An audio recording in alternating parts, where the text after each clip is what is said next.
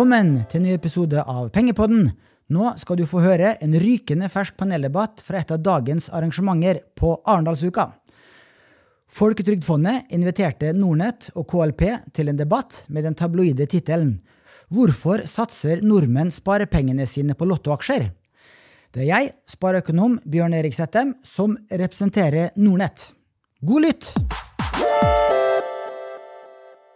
God dag, god dag. Velkommen, velkommen. Da er vi på torsdagen under Arendalsuka.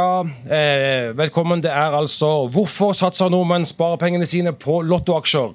Eh, et arrangement i regi av Folketrygdfondet. Mitt navn det er Petter Halvorsen. Jeg jobber i Corporate Communications. Vi har med et eh, glimrende panel i dag. Det er Kjetil Haug, administrerende direktør i Folketrygdfondet. Velkommen opp, Kjetil. Vi har Anne-Elisabeth eh, Tunli Moe, du er leder av fond i KLP. Og vi har Bjørn Erik Settem, som er spareøkonom i Nordnett. Velkommen, eh, alle tre. Eh, vi har altså et litt eh, eh, svulstig tema i dag, og for å gi dere et bakteppe hva vi skal snakke om, så har eh, jeg samla litt medieklipp og litt eh, historie for å, å drøfte litt hva er det med nordmenn og såkalte lottoaksjer. Eh, I Nordnett så har de sine månedsbrev, som, eller pressemeldinger som de kommer ut med hver måned. Vi skal tilbake igjen til juni 2020. Eh, det er midt under pandemien. Eh, børsen koker, og vi ser eh, Nordnetts kunder. Eh, eh, de handler videokonferanseaksjer. Aksjer. Dette er Pexip, som da eh, eh, de, eh, Nordnett-kundene har eh, hamstret. Og Hvis vi da ser på utviklingen til, eh, eh, til Pexip, eh, som da de handla eh, i juni 2020, så kan vi si at det er jo en volatil aksje som er betydelig ned eh, siden toppen. Vi har andre eksempler. Kahoot. Kahoot er jo et kjempeselskap, eh, men det er risiko i selskapet. Eh, Småaksjonærene eller noen av deres kunder de elsker jo eh, Kahoot. Eh, og Ser vi også på Kahoots utvikling, så er den eh, svært volatil. Eh, vi ser kanskje også litt av samme trenden innenfor aksjefond. Eh, dette her er fra Nordnetts kundebrev i september eh, 21. og Da var det eiendomsfond som var eh, the hot shit. Eh, Nordnetts kunder de hamstra eiendomsfond, og vi kjenner alle til at eh, eiendomsfond er jo kanskje de som har blant den svakeste utviklingen de eh, siste eh, to årene. Vi ser også en trend her at eh, i USA så var det veldig mange eh, Eller GameStop ble jo egentlig dratt av eh, ulike forum og private aksjonærer. Og også i Norge eh, så var det svært mange kunder eh, som da handlet aksjer. Dette her er fra februar 2021, og da var det noen kunder som omsatte for 650 millioner i denne GameStop-aksjen fra Norge. Vi ser også at det er et eller annet med flyaksjer eh, og eh, småaksjonærer. Eh, dette her er fra eh, en emisjon, en artikkel fra E24. Vi er også i 2021. Eh, Norwegian har priser til over 50 milliarder kroner. Og vi har en ekspert som sier at vi har ikke sett en slik feilprising på 30 år i aksjemarkedet. Hvis vi da ser, Hvilke selskaper eier da aksjonærene på Oslo Børs? Denne er også svært interessant. Vi ser eh, Den som har flest antall eiere på børsen, det er Norwegian. Vi skulle kanskje trodd at det var Aker eller Equinor, men Equinor er på andreplass med bare 40 000. Vi ser også Kahoot har hele 30 000 ulike aksjonærer, og Nell har hele 26 000. Mens da kanskje mer eh, tradisjonsrike selskaper som Yara og Hydro har 20 og 19 000. Så Det er spesielt at tallene i, eh, i Norwegian, Kahoot og Nell som overrasker eh, mye her. Hvis vi ser på største tapere på, på Oslo Børs de siste fem år, så ser vi at eh, Norwegian har da ned, ned 99,85 eh, Vi har andre XSL eksempel, er en eh, folkeaksje. eh, Svært mange aksjonærer. Ned 96% Så da, med dette bakteppet her, så spør jeg da spareøkonom i Nordnett, eh, Bjørn Settem, er det slik? Kjøper nordmenn lottoaksjer? Eh, ja, til en viss grad så er det en del sannhet i det du sier, og du viser jo til Nordnetts egen statistikk, men det er eh, definitivt mange nyanser her. Eh, du viste jo en liste over eh, de aksjene med flest aksjonærer på Oslo Børs, i hvert fall blant Nordnetts kunder. Eh, det finnes også lister over eh, hvor private sparere og investorer har investert mest sparepenger, og den lista ser ikke sånn ut. Ja, der er det solide selskaper som topper den listen, som Equinor, Telenor, Norsk Hydro, DNB eh, osv. Så, videre. så de fleste som kjøper disse lottoaksjene, gjør det for mindre beløp. Og, eh, men det er en gruppe eh, av våre kunder og, og av DNB sine kunder og andre som er veldig glad i disse lottoaksjene, eller jojo-aksjene. Ja, de mest volatile. Og det er typisk uh, unge menn med lite eller ingen erfaring fra aksjemarkedet, uh, men en stor porsjon selvtillit, og som gjerne har et mål om å bli rik fort. De skal doble pengene eh, fort. Og da må de jo ta skyhøy risiko. Og da går det som regel dårlig, for mange undersøkelser både i Norge og utlandet viser at de mest risikable aksjene, de som svinger aller mest, de har en svak og gjerne negativ langsiktig avkastning, og en stor andel av det ender i null. Men hva, hva, sier statistikken her, da? Hvor, hvor mye dårligere gjør disse unge mennene som satser på aksjer, hvor, hvor, hvor, mye dårligere gjør de det enn en, en markedet? Altså, vi har jo forsøkt å regne på det selv, men det er veldig veldig vanskelig. Fordi at det kommer nye kunder til. Eh, kundene de tar ut penger, de setter inn penger, de kjøper litt utenlandske aksjer. Så vi finner ikke en relevant referanseindeks. Men det er gjort studier på det, og en norsk studie jeg så fra 2018 Eh, en masteroppgave. Der eh, var det Der viste DCD at, at private sparere på Oslo Børs den siste 15-årsperioden hadde eh, en mindreavkastning på 0,35% i året. Mens eh, store institusjonelle kunder og investeringsselskaper de hadde i snitt en meravkastning på 0,5% Det er jo omtrent nivået med der Folketrygdfondet har ligget de ti siste årene.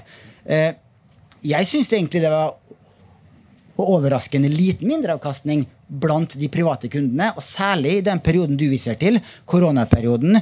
2020-2021, eh, Da fikk Nordnett nesten en dobling i kundemassen sin. Og da så vi denne hysterien, og folk trodde de var genier en kort periode. Fordi at aksjen de kjøpte, den dobla seg i løpet av noen måneder. Men eh, i løpet av da 2021 og 2022 så har den kanskje falt 78-90 Ketil Haug, leder av Folketrygdfondet. Hvilke tanker gjør du deg når du ser eh, eh, disse plansjene her med, med, med en eh, nordmenn som kasser etter disse lottoaksjene? Ja, eh, først og fremst er det jo eh, på en måte den enes død, den andres brød. Da. Dette er jo noe som vi syns eh, vi kan utnytte litt. ikke sant? Så, så det at folk gjør litt uinformerte valg og kursene går litt feil, det er jo en mulighet for andre aktive investorer. Og Sånn sett så er det jo markedsdynamikk, og det er jo fint at vi har investorer som eh, tenker litt forskjellig. Men uh, det vi ser, og som jeg synes er litt av grunnen til at vi valgte det temaet her også i år, er at uh, det har kommet veldig mange flere nordmenn inn i sparemarkedet, og som kjøper aksjer direkte. Og Pandemien var nok en katalysator for mye av det. Så nå har vi jo 580 000 mennesker i Norge som er investert i aksjer på børsen. Og det er kjempebra. Men uh, jeg tror allikevel at vi er, litt sånn, vi er litt umodne kanskje på noen ting i Norge. Uh, og vi trenger å utvikle sparemarkedet, og vi trenger gode alternativer for folk som ønsker aksjeeksponering. Uh, og kanskje er det sånn at vi ikke i tilstrekkelig grad har tilrettelagt for at folk kan få gjøre litt mer informerte valg og, og se på mulighetene som ligger i langsiktig sparing i aksjemarkedet.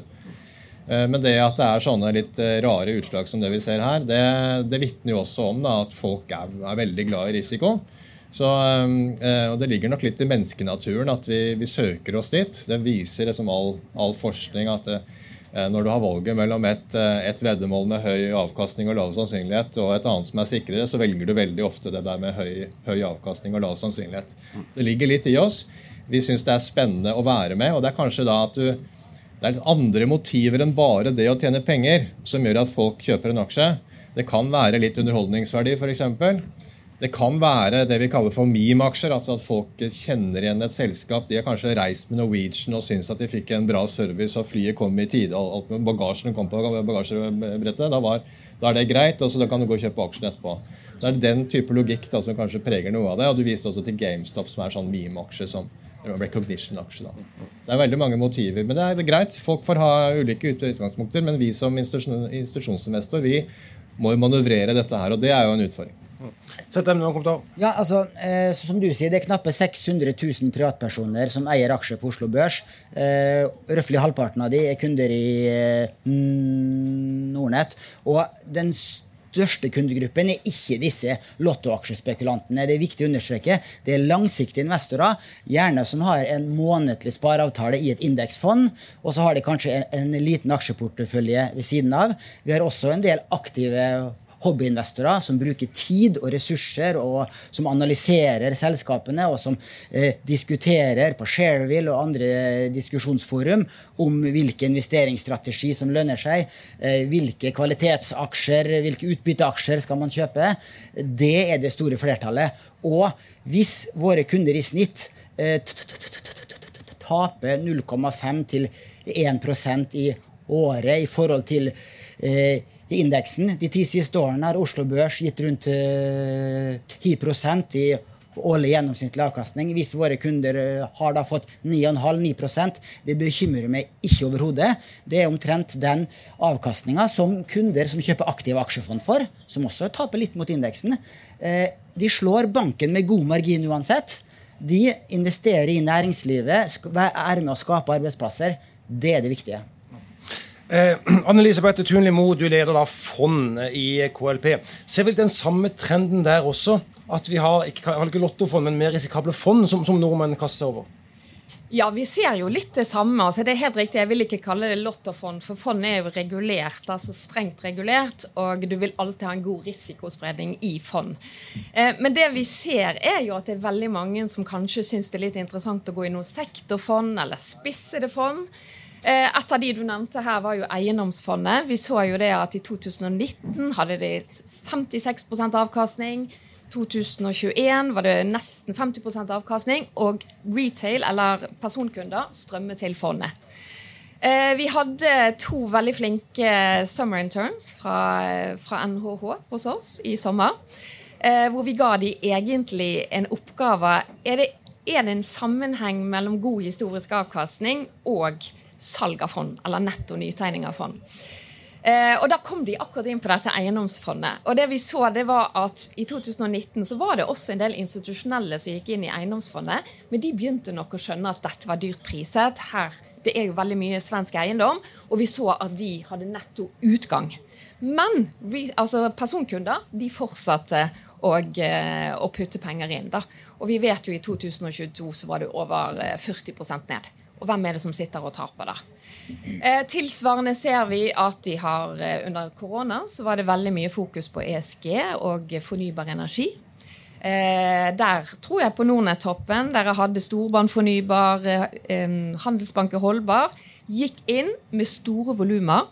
Veldig bra at de går inn i ESG-fond, men dette er spissede fond. Spissede fond med få aksjer, og da fikk de en nedtur. Eh, det som er da dumt, er jo at man brenner seg litt. Sant? At du får en negativ opplevelse av det. Men jeg må jo bare få si, altså jeg skjønner at man ønsker å gå inn i spissede fond hvis du virkelig tror på det, eller i spissede aksjer. For det er jo litt gøy. Det er jo ikke noe gøy å sitte og snakke om et globalt eh, indeksfond rundt middagsbordet. Du må jo snakke om noe annet. Så det skjønner jeg. Men det jeg i hvert fall bare håper, det er at det er krydder i porteføljen, som jeg sier. Det, ikke, det, det, bør ikke være en stor andel. Stor andel bør ha globale indeksfond. Og heldigvis så ser vi en enorm trend inn i det. Og jeg vil bare si at i 2013 så av aksjeandelen så hadde personkunder kun 5% i indeksfond. I dag er det 26 men 26% er fortsatt lavt i forhold til det vi ser internasjonalt. Internasjonalt i USA så er det oppe i 50 Hvis vi ser på institusjonelle kunder, så er de oppe i 46% Så vi tror fortsatt at trenden går mot å ha brede fond, og så får de ta litt krydder i tillegg. Eh, bare spørsmål om dette med krydder, da. Eh, eh, hva kan da disse, eller hva er største feilene småaksjonærene gjør når de da skal kjøpe krydderaksjer eller krydderfond? Eh, jeg tror dessverre at ikke de har satt seg godt nok inn i hva de investerer i. De tror det, sånn som vi sa. De flyr, de, de, føler at de er fornøyd med Norwegian eller et eller annet. Dette må gå opp. Jeg tror på. Og så skjønner ikke de hvordan dynamikken er, de skjønner ikke marginbildet, de skjønner ikke inntjeningen. Og så går de inn. Og så blir de litt påvirket.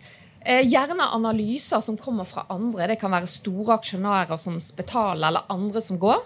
Gjerne media, mener jeg, litt med på å, å skape den hausingen som er blant eh, blant sånne risikoaksjer. Og så går man inn, men da kommer man ofte for sent inn. Og så har alle de store aktørene gått ut, og hvem blir taperne da? Så, så, man henger, man jager etter historisk avkastning. Det er jo noe som heter at historisk avkastning ikke er noen guide på fremtidig avkastning. Men hvis vi så, og det var den studien som disse summer internsene så, så så de at privatpersoner de jaget etter de med best avkastning. Ofte. Og gjerne ikke på ti års sikt, men det var gjerne det siste året. Kjetil Haug, eh, hva er største feilen du observerer da, som eh, eh små aksjonærer eh, gjør? Jeg tror den, den, Du viste jo en oversikt over hva folk eier. Ja? Og det er jo sånn som jeg var inne på, Med meme-aksjer folk, folk, kjøper noe de kjenner igjen. Så, og det trenger ikke å være altså, det trenger ikke å være en veldig diversifisert portefølje. Du går inn i en veldig konsentrert del, kjøper kanskje én eller to forskjellige aksjer som du kjenner til fordi noen du kjenner jobber der, eller fordi du har reist med Norwegian. Sant? Og Da blir det jo en veldig rar seleksjon av aksjer. Så istedenfor å tenke på hva er det du egentlig er på jakt etter, skal du bygge en spareportefølje, så må du tenke også spredning av risiko. Og det tror jeg veldig få tenker på når de bygger opp en sånn direkte eid aksjeportefølje. Da er det de små aksjene som, eh, de, de få aksjene som de går inn i. Mens vi som institusjonsforvalter vi tenker på en helt annen måte. Vi starter vel egentlig mest med risiko. Og så bygger vi opp porteføljen i forhold til hvordan risikoegenskapene i porteføljen skal se ut til slutt. Og så skal det da eh, gå opp i en høyere enhet hvor det skal tåle ulike markedssvingninger og ulike scenarioer rundt dette her. Mens jeg tror eh, folks motivasjon for å gå inn i aksjer eh, i for stor grad er basert på at du skal ha disse doblingskandidatene eller tidoblingskandidatene, og da blir det summen av det blir feil. Og så er det en annen ting som jeg tror folk gjør, gjør mye gærent i, og det er at de handler for mye. Så med en gang eh, de ser at det er en ny mulighet som dukker opp, så selger de det de har, og så kjøper de noe annet. Så har de en tendens til å ta gevinsten for kjapt. For det er fint å ha penger, penger, på, penger på, boka, ikke sant? og så tar de ikke tapet. For da går de og krysser fingrene og håper på at det skal bedre seg. Så det er noen sånne tradingfeil de også gjør. Så det tenker jeg, hvis, hvis, folk er mer bevisste på det å bygge portefølje, se på risikoegenskaper og handle minst mulig, så er veldig mye gjort, faktisk. Da vil det gi et mye bedre resultat til slutt. Stemmer det, Settem? Er dine kunder slik at de, de, tar for rask gevinst og for, er for dårlig til å ta tap? Ja, eh, for mange gjør det, da, særlig unge menn. Eh, men eh, det positive her er jo det at folk flest lærer fort. Ja, har du kjøpt en aksje som da har steget flere hundre prosent, og så faller den 90 eh, så gjør du ikke det så veldig mange ganger. Og husk på det at de, eh, de fleste gode investorer i dag Arne Fredli hadde i, i, på Nordnett Live og snakka med han her for et års tid siden. Han fortalte jo det da han var student på Handelshøyskolen. Satsa alle pengene på volatile aksjer, kjøpte opsjoner, gikk rett i dass. Det er òg eh, en av Norges mest eh, suksessfulle forvaltere, Robert Ness i Nordea. Han også, Første aksjen han kjøpte, gikk konk. Eh, jeg skal ikke sammenligne med de to, men da jeg gikk på videregående, så var en av mine første aksjer det var Kredittkassen. Altså forløperen for Nordea. Og som vi vet, den aksjen gikk jo konk. Da lærte jeg det. At jeg aldri skal kjøpe en aksje som har falt 90% for den kan falle ytterligere 100 det har gått bra med i hvert fall fredelig Fredle og Robert Næss. har dere lignende historier der dere har gått problemer med, med å gjøre eh, kjøp som, som Setten forteller om her? Uh, ja. Uh, jeg har også ikke børsnotert aksjer, men den gikk også i null. ja, vi har alle vært med på sånne ting. og Det tror jeg det er fint å ha det som læring. Uh, og da med ikke de der store pensjonspengene som du er helt avhengig av for å få, for å få endene til å møtes når du blir eldre. Ja. Men uh, det er, det er sikkert, uh, sikkert, noe i det at du må lære, og du må være i markedet. Du må kanskje være interessert i markedet. Eh, og det er vel litt av det vi ser òg, at eh, eh, når vi har nye stillinger ute som forvalter, så kommer gutta og har holdt på med aksjer siden de gikk på ungdomsskolen. Eh, mens jentene de har ikke den samme interessen i tidlig alder. Det må kanskje komme litt seinere. Eh, så da har de kanskje rast fra seg litt, da, forhåpentligvis, når de kommer til oss. Mm. Anne-Elisabeth, Er det slik at guttene er flinkere til å rase fra seg i aksjemarkedet før de blir forvaltere hos deg eller hos Folketrygdfondet? Det, det, er jo litt vittig det dere sier, for det er helt riktig at gutter er litt sånn ja, tro, har veldig tro på seg selv. Eh, og så bare sjekket jeg eh, Aksje-Norge kommer jo med statistikk. Da. Det er jo privatpersoner. Eh, og for andre kvartal. Eh, da så vi at totalindeksen i andre kvartal hadde gått 1,7 eh, Menn hadde tapt 1,25% og kvinner hadde en gevinst på 1,27 Eh, nå er det selvfølgelig litt variasjoner, men, men, men, det er litt sånn som du sier, at nok en gang denne jaget etter avkastning. Men jeg tror vi alle sammen som har sittet og handlet aksjer både på egne vegne og på, på selskapets vegne, har tapt eh, aksjer. Eh, men det er jo nettopp det du lærer på. Så det vi har sett den siste tiden som vi syns er bra, det gjelder både i enkeltaksjer og i fond, det er at det er veldig mange unge som har kommet inn i fondsmarkedet, og veldig mange kvinner. Eh, det er veldig bra at man begynner tidlig å spare i fond, for det tror jeg er helt nødvendig. Eh, det jeg tror kanskje har vært, er at det har vært en oppgangsperiode om en veldig lang tid. Veldig mange som jeg kjenner, begynner i globale billige indeksfond, og så syns de det blir litt kjedelig, og så tar de på risiko. Faren da er jo at de får en veldig dårlig eh, eh, opplevelse. Eh, og dessverre så er det noen som er litt for kortsiktig i eh, sine holdt på å si, hva de skal ha pengene til. De kanskje skal kjøpe en leilighet eller nedbetale lån. Da får jeg frysninger når jeg hører det. Når de går inn i aksjemarkedet. Men jeg tror det er litt sånn alle må lære. Eh, kvinner er nok litt mer sånn at når de har bestemt seg for å spare, så sparer de jevnt og trutt. Når de først har kommet seg inn, så tåler de å sitte gjennom nedturer. Mens gutter er litt mer utålmodige. Mm.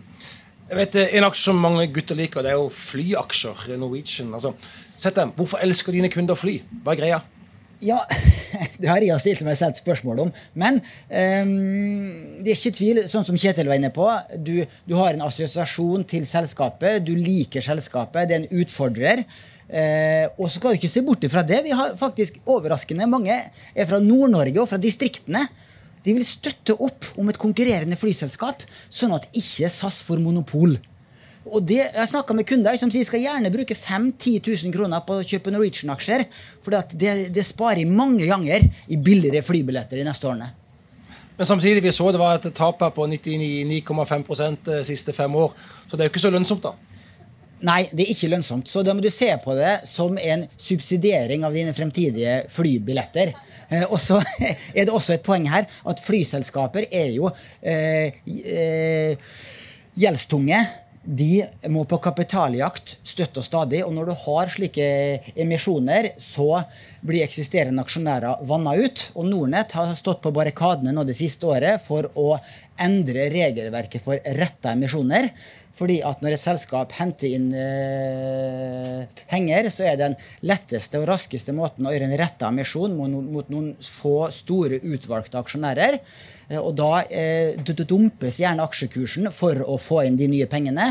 Og da sitter våre kunder og mindre aksjonærer og ikke har den samme muligheten til å være med i den kapitalinnhentinga, og da blir deres eh, aksjonærer ut. Og det er et stort problem, eh, fordi egentlig så er det fortrinnsrettemisjoner der hvor alle dagens aksjonærer skal ha mulighet til å være med i en emisjon, men så er regelverket eh, ganske komplisert, og vi mener i hvert fall at det kan gjøres forbedringer her. Og det gjelder både Norwegian og Flyr, hvor du har slike grisete emisjoner. Støtter du en slik endring av regelverket, Haug? Eh, den er litt eh, verre å svare på, fordi det er flere sider av den saken. Eh, en ting, Når du sitter som privat aksjonær i et selskap, så må du følge med. Det er det nok mange som bommer på. Altså det, det, skjer en eller annen selskapshendelse. Det kan være en emisjon, eller det kan være et eller annet som gjør at du er nødt til å ta grep som aksjonær. Så det er på en måte viktig å huske. Altså at du, du må følge med, rett og slett. Når det gjelder eh, fortrinnsrettemisjoner, så er det åpenbart eh, mest eh, rettferdig sånn i teorien at det skjer som en fortrinnsrettsemisjon hvor alle har muligheten til å delta. Men for selskaper som er i problemer, så er det ofte et tidsaspekt. De har dårlig tid. De trenger å få avklart finansiell situasjon, og da er det prosessen rundt en sånn emisjon er veldig tidkrevende. Så Det er et aspekt som gjør at veldig mange velger å gå i en rettet emisjon. altså Gå egentlig en litt snarvei, gå mot noen store, og så få satt det. Det man da skal gjøre, er å gjøre en reparasjonsemisjon etterpå. Nå blir det veldig teknisk her, men den skal da eh, hjelpe minoritetsaksjonærer å, få opprettholdt sin eierandel. Hvis da aksjekursen faller, så er det ikke nødvendig med en reparasjon. For Da kan du bare kjøpe det i markedet. Eh, så Sånn sett så er det en fordel for de som ikke er med på den rettede, at du kan, faktisk kan velge etterpå om du skal være med på reparasjoner eller ikke. Så er, Her er det veldig mange ting. altså. Men eh, la oss ikke gå i detaljer. Det viktigste poenget for meg folk må følge med når de sitter i markedet. Ja. Vi skal snakke litt mer om hva, eh, hva småaksjonærene kan lære av proffene. da. Eh, Anne-Elisabeth, hvis du skal ha eh, dine strategier og, og dine råd eh, til småaksjonæren, hva, hva, hva, følge? Hva er oppskriften her for, for, å lykkes og få litt bedre avkastning? Jeg tror eh, sånn som institusjonelle gjør, så er jo det å lage deg en ordentlig plan for investeringene dine. Du må først og fremst finne ut hvor stor andel du skal ha i aksjer kontra renter, eller i hvert fall aksjeandelen. Eh, du må vite hvor mye du tåler å tape. Du må ha en god risikospredning i porteføljen. Eh, jeg må vel egentlig si at jeg syns altså Hvis ikke du kjenner selskapet du investerer i, altså enkeltselskapet godt, så bør du ikke investere i det. Eh, jeg mener at privatpersoner ikke bør ha for mye enkeltaksjer i porteføljen, bortsett fra kanskje i det selskapet, hvis det er mulig å investere i det selskapet du jobber i. Eh, så det å investere så bredt som mulig Vi tror jo også at kostnader har veldig mye å si over tid. Så det å investere i globale, brede indeksfond som er billige, eh, da kommer du veldig langt. Og så kan du heller ha det der lille krydderet på toppen i tillegg. Og så må du tåle å sitte gjennom tøffe perioder. Det vil være volatile perioder, og det må du sitte gjennom. For ellers så kan det være at du selger da eh, på helt feile tidspunkter, og hele avkastningen din er borte. Og Det er vel egentlig det den analysen eh, som Bjørn trekker frem, viser. Sant? At det ikke nødvendigvis at de har vært i feile investeringer, men de har, timingen har vært helt feil. Så, så der tror jeg nok eh, in, in, investorer som Folketrygdfondet og KLP og andre er bedre. Hva er din vinneroppskrift Haug, til uh, småaksjonærene? Altså, da kan jeg dele altså, min favoritthistorie om Folketrygdfondet. Det er at 11 milliarder kroner fra 70-tallet har blitt til 340 milliarder i dag. 11, 340. Og det har ikke kommet noen penger inn i fondet i den perioden der. Alt det der er avkastning. Avkastning som vi har generert gjennom å forvalte på en bra måte. Og selvfølgelig rentes rente. Det at kapitalen bare reinvesteres hvert eneste år. Hver gang vi får utbytte fra selskap, hver gang vi får kuponger fra en obligasjon, reinvesteres. Kapitalen vokser. Så eh, Snittavkastningen vår er sånn ca. 7% per år når vi ser tilbake til 2007. Og da vet alle som kan matematikk, at da dobler du kapitalen i løpet av ti år. 7% avkastning i ti år dobling. Det er, det er, oppskriften på å bli en god kapitalist. Det er å ikke ta ut penga, reinvestere de. Spareavtale Litt hver måned. Jeg eh, satte inn 10 000 kroner i et eh, norsk aksjefond eh, på 90-tallet. Ikke sant? I dag er det snart 200 000 kroner. Jeg har, ikke, jeg har, ikke, jeg glemte at jeg hadde det, bare logga meg på. Jøss. Yes. ikke sant? Men det er rentes rente. Så tenk langsiktig, vær tålmodig, ikke ta ut penga. Så ha, det er ikke bufferkapital for boligkjøp. Det skal være noe som faktisk skal tas ut når du blir gammel. Altså. Da blir det bra. Og Jeg skjønner det er teorien, men samtidig er det mye fristelser her. Når en, når en bjellesau kjøper f.eks. en aksje, sett dem. Eh, når spitalen går inn, så går dine kunder inn. Er det et problem, eller, eh, eh eller, eller, eller, eller hvordan kan vi løse det? Ja, Det er jo for så vidt et problem at en del kunder følger disse bjellesauene. Eh, Fredelig sa det selv i den samtalen vi hadde med han, at ikke eh, kjøp aksjer når det står i media at de har kjøpt. For da er sannsynligvis allerede solgt de. Eh, så eh, gjør dine egne analyser. Og der vil jeg også rette en pekefinger til norsk presse. Fordi at norske medier skriver veldig mye om hva de bjellesauene gjør. Og det er ikke så mange kjent med. Eh, hvis du går til Sverige, så er det ikke på langt nær så mye fokus på hva disse bjellesauene gjør. Så der syns jeg også norske journalister bør skjerpe seg. Mm. Det er proffene, da. Følger deres forvaltere bjellesauene, eller er det bare støy i mediebildet? Hva, hva ja, det blir støy. Det blir støy. Så, så her, vi gjør jo grundige analyser på de, de aksjene vi investerer i. Eh, på de aktive forvaltede fondene våre. Og så følger jo vi stort sett indeksen. sant? Og hvis du ser over tid, da, så er jo det de store selskapene som har vært med å bidra til avkastningen. Og hvis ikke du har vært i de, så har jo du heller ikke hatt avkastning. Så, så jeg, tror, jeg, tror, det er viktig, altså. Så nei, vi følger ikke bjellesauene. Jeg er veldig enig med, med Bjørn om at i norsk presse så er det veldig mye fokus på hva de gjør. Og som ofte så er det de som går inn i starten, så på flyr, du snakker om flyaksjer. sant? Til slutt så var det 50% småaksjonærer igjen som tapte pengene sine. Og da er det, så Når, når disse bjellesauene går ut, så er det som oftest for sent for småinvestorene. da. Så der eh, sånn kan nok media bli litt mer eh, ja, hva, hva, hva da med diskusjonsforum? Shareville f.eks. Svært mange småaksjonærer diskuterer svært heftig aksjekurser der. Eh, Haug, er dine forvaltere inne og leser på, på de sidene der? I så fall så sier de ikke det til meg. Men kanskje de driver og smugtitter. Det, det, er sikkert litt spennende å kikke innom hva folk mener.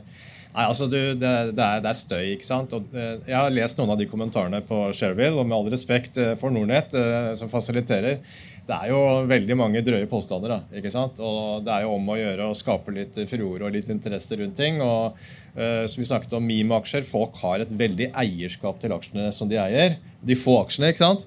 Så uh, for eksempel, uh, Ta et eksempel. da, ja, må få lov til det. Nell har jo veldig mange sympatisører. og Da snakker man om min aksje, eller vår aksje ingen skal komme og ta vår aksje. Eh, og, for, og, for, oss som er institusjonsforvalter, så er det et lite problem. For vi, eh, vi, låner jo gjerne ut aksjer som brukes til å, å gå short, altså gå, gå, vedde på at kursene skal falle.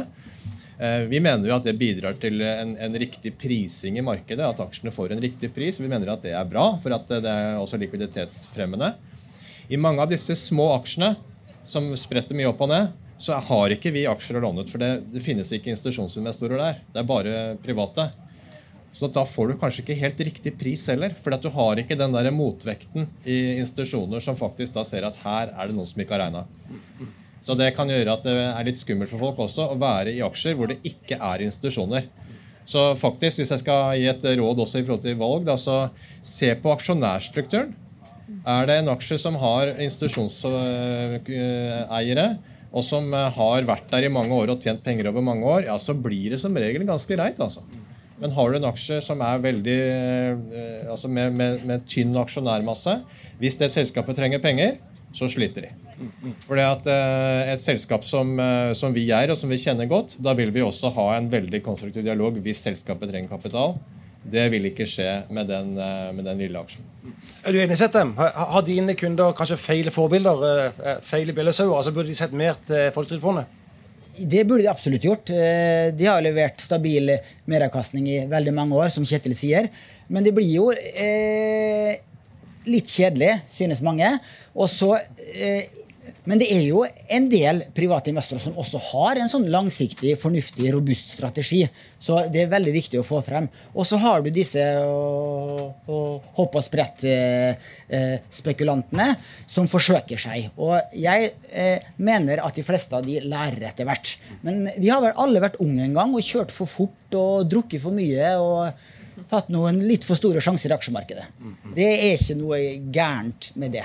Eh, også, også, eh, når det gjelder eh, Shareville, som er det sosiale aksjeinvestorforumet vårt, er, en av de største diskusjonsgruppene der, med over 15 000, 15 000 medlemmer. Det er langsiktig sparing i utbytteaksjer.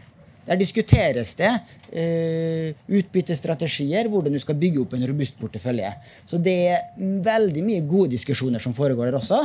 Men selvfølgelig så er det noen som vil hause opp aksjene sine. Nå har jo Finanstilsynet kommet med regler for det også, at du har ikke lov å anbefale kjøp i sosiale medier, f.eks. Mm ja, vi skal tilbake til det, det regulatoriske her. Er det noe myndighetene kan gjøre for å begrense nordmenns appetitt for såkalte lottoaksjer? Altså man kan jo starte med å legge til rette for sparing i aksjer mer generelt. Jeg tror Det som, eh, som vi har snakket om her, det er jo at det er forskjell på uh, disse mer veldig spekulative uh, som skal ha tigangeren, og de som sparer til pensjon og har et mer langsiktig syn. Og En, en ting jeg, har, jeg synes, altså, som er strengt i Norge, det er jo dette med rådgivning. Det er veldig, veldig strenge regler i forhold til uh, hva slags rådgivning du kan gi. Uh, du skal sertifiseres, og du skal ha gått gjennom hele disclaimeren med kundene. ikke sant? Så det tar lang tid. Så for privatpersoner tror jeg dette er en kjempeulempe. For når de møter sin rådgiver, så er det en time med disclaimer, og så, og så er det vanskelig på en måte å komme rett på saken. Mens man kanskje skal drive og, og, og ha en spareavtale på 500 kroner i måneden. Da trenger man strengt tatt ikke det. Så gjør det litt enklere å gi gode råd, så ikke privatpersoner blir avhengig av finfluensere og bjellesauer og, og, media, men kan gå til en som faktisk bryr seg om at det går bra med deres portefølje. Det hadde vært eh, framskritt. Elisabeth, eh, regulatorisk, eh, kan vi gjøre noe her for å begrense appetitten på ja. enkeltaksjer?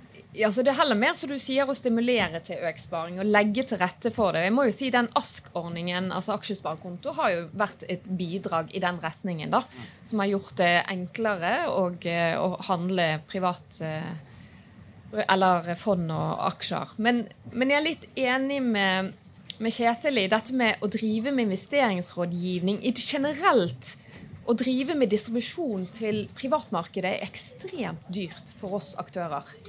Eh, det er veldig mye regulatoriske krav, og hensikten er nok at de skal gjøre det Altså det skal være forbrukerbeskyttelse. Men samtidig så gjør de det så komplisert at det blir nesten enda verre, mener jeg, for investorer å gå inn i markedet. da. Så å lempe litt på den biten der heller legge til rette for hvordan vi kan gi råd, eller hvordan vi kan distribuere og informere eh, private investorer på en bedre og enklere måte for oss aktører også, tror jeg det er, det, det er enormt mye reguleringer som koster for oss som både fondsselskap og distributører som Nordnett og andre. Mm -hmm. Så dere har en del sånn kunnskapstester, eh, f.eks. handler derivater. Kan det være aktuelt å utvide det for å belyse problemstillingen mer? Ja, altså Hvis du handler eh, kompliserte instrumenter i dag, eh, derivater, opsjoner og lignende, så må du gjennom en uh, kunnskapstest hvor du skal svare på en del spørsmål. Hvis du har for mange feil, så må du lese mer og ta den på nytt. Nå kommer det regler fra EU som sier at du også må gjennomføre slike kunnskapstester for ikke-kompliserte produkt. Så da skal du handle vanlige enkeltaksjer, så vil du også måtte gjennom en slik kunnskapstest. Så det kommer fra EU. Og så vil jeg også si det at jeg er litt uenig med den problemstillinga at tar nordmenn for stor risiko med sparepengene sine. Nei, vi tar for lav risiko med sparepengene våre. Vi har 1600 milliarder kroner på bankkonto som faller i verdi hvert år, garantert, etter skatt og eventuelt formuesskatt. Eh, og det er 170 milliarder i enkeltaksjer. Og i tillegg 400 milliarder i verdipapirfond, frie midler. Det er altså over det dobbelte av den finanskapitalen vi har, eh, råtner i banken. Og mye av det her er langsiktige penger. Man skal selvfølgelig spare i banken til neste sommerferie og kanskje til neste bil, men ikke til pensjonen. Der syndes det fortsatt. Mm. Og Der er jo svenskene langt foran oss i forhold til uh, å spare til pensjon. Så uh, vi, må da, vi, må dit, vi også. Og det kan jo myndighetene være med og uh, prøve å stimulere til. Vi nærmer oss slutten her. Jeg skal bare stille et spørsmål som er akkurat det der. Eh, hva, hva, kan egentlig da KLP, dine forvaltere, lære av noen av sine kunder? Hva, hva, liksom, hva gjør småaksjonærene bra, da? Jeg syns det var veldig vanskelig. Um... Kom igjen, da! Nei, men, men, skulle det være noe, så er jo det det at altså, småinvestorer kan være mye lettere på foten enn en stor forvalter. Sant? Vi forvalter store midler, litt traustere.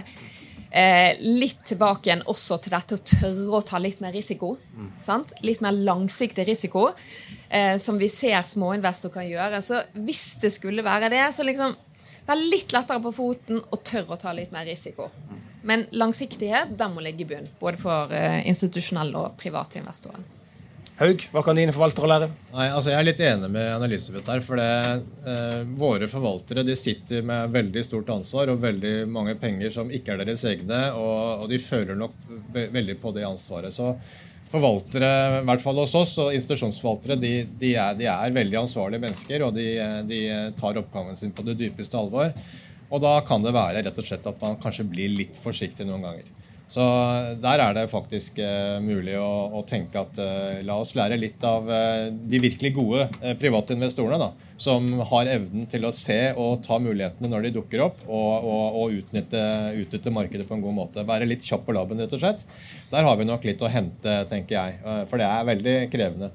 Ellers er jeg enig med Bjørn Erik når han sier at det er et uforløst potensial på aksjemarkedet. Men det er litt som vi snakket om at det har kanskje ikke vært lagt godt nok til rette da, for aksjesparing i Norge. Svenskene har eh, denne, denne premiepensjonsordningen hvor du kan velge fond, og du får dette litt inn med morsmelka. I Norge så har vi ikke tilsvarende ordninger, men nå har jo innskuddspensjon kommet. Folk har stort sett veldig mye penger gjennom innskuddsordninger i aksjemarkedet. Og dette vil nok etter hvert eh, bli mer på agendaen. Og så er det én ting til. Jeg tror eh, Alle som nærmer seg pensjonsalder, de går og sjekker hva er det du, skal, hva er det du faktisk kommer til å få. De aller fleste blir veldig veldig skuffa. Vi ser at det er ikke så fett å bli pensjonist. Og da må du tenke tidlig hvordan skal jeg kompensere for at mine pensjonsordninger ikke lenger er så lukrative som det mine foreldre hadde. Da må du begynne å spare.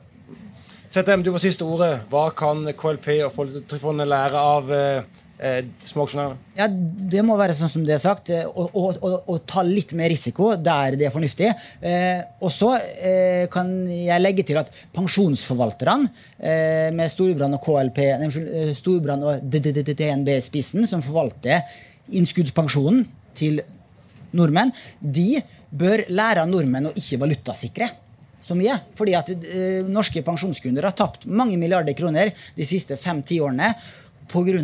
at eh, pensjonsmidlene har eh, vært i stor grad valutasikra. Og når den norske krona har svekka seg, så har du ikke fått den valutagevinsten som private kunder i fondsmarkedet og i internasjonale aksjer har fått. Takk. Da får du siste ordet. Og takk til alle dere fremmøtte her i dag.